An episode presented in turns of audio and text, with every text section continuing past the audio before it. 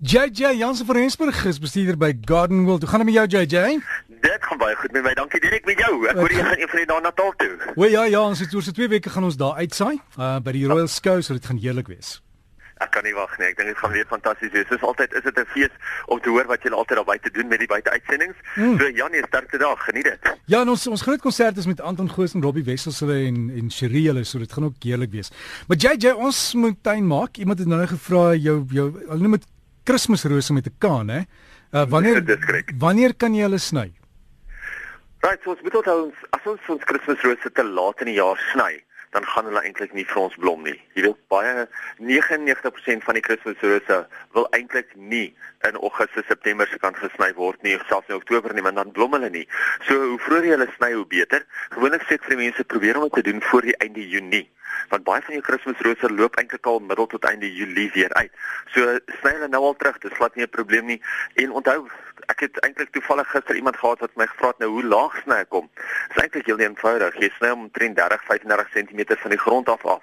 So sny hom net heeltemal stomp af en hy sal genoeg nuwe uitloopels uitloopsels dwars deur die plant forceer sodat dit weer 'n pragtige volronde mooi vol plant vir jou gaan wees.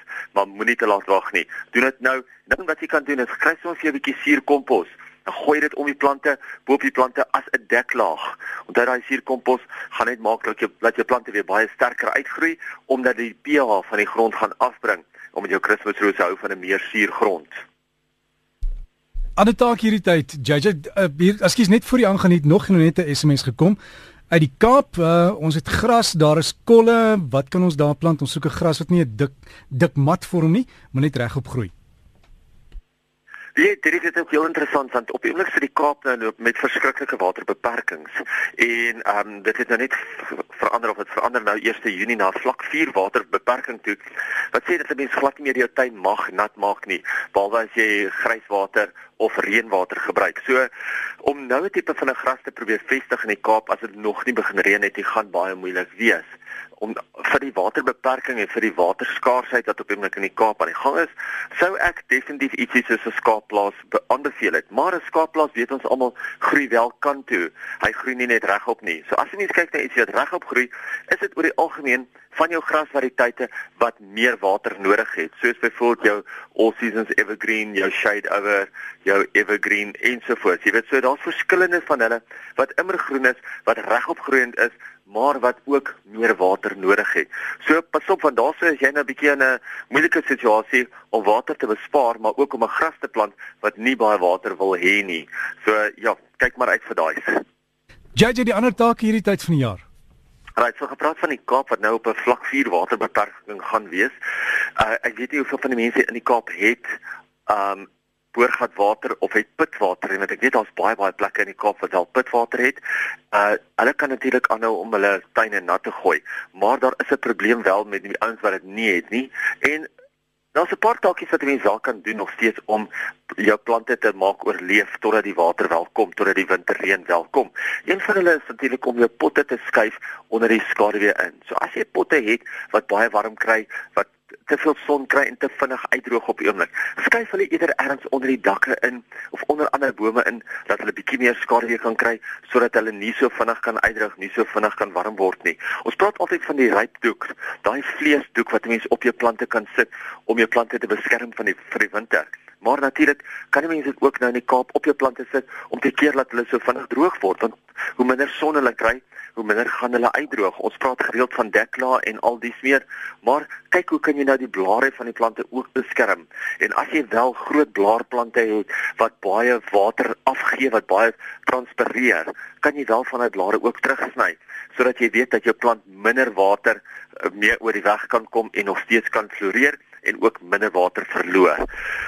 Interessant nou dat baie binnesyse plante die, die tyd van die jaar soos dit al lekker koeler word, moet mense eintlik probeer om hulle met 'n lou warm water nat te maak en nie met daai yskoue water wat 'n mens uit jou kraan uithaal nie.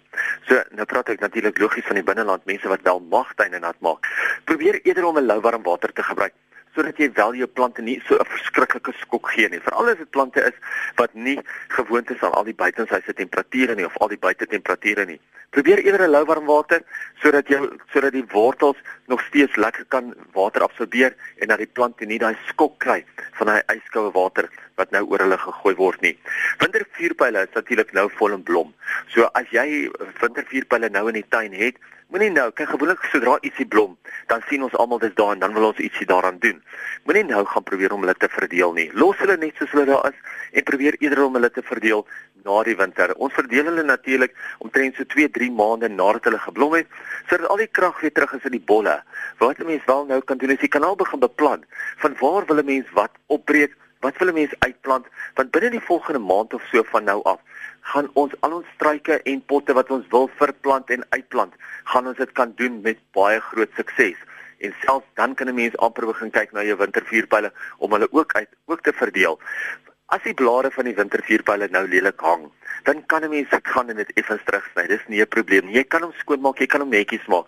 Maar probeer om nie te veel van die blare af te haal nie. Onthou, daai groenigheid in die plant voer eintlik ook die plant.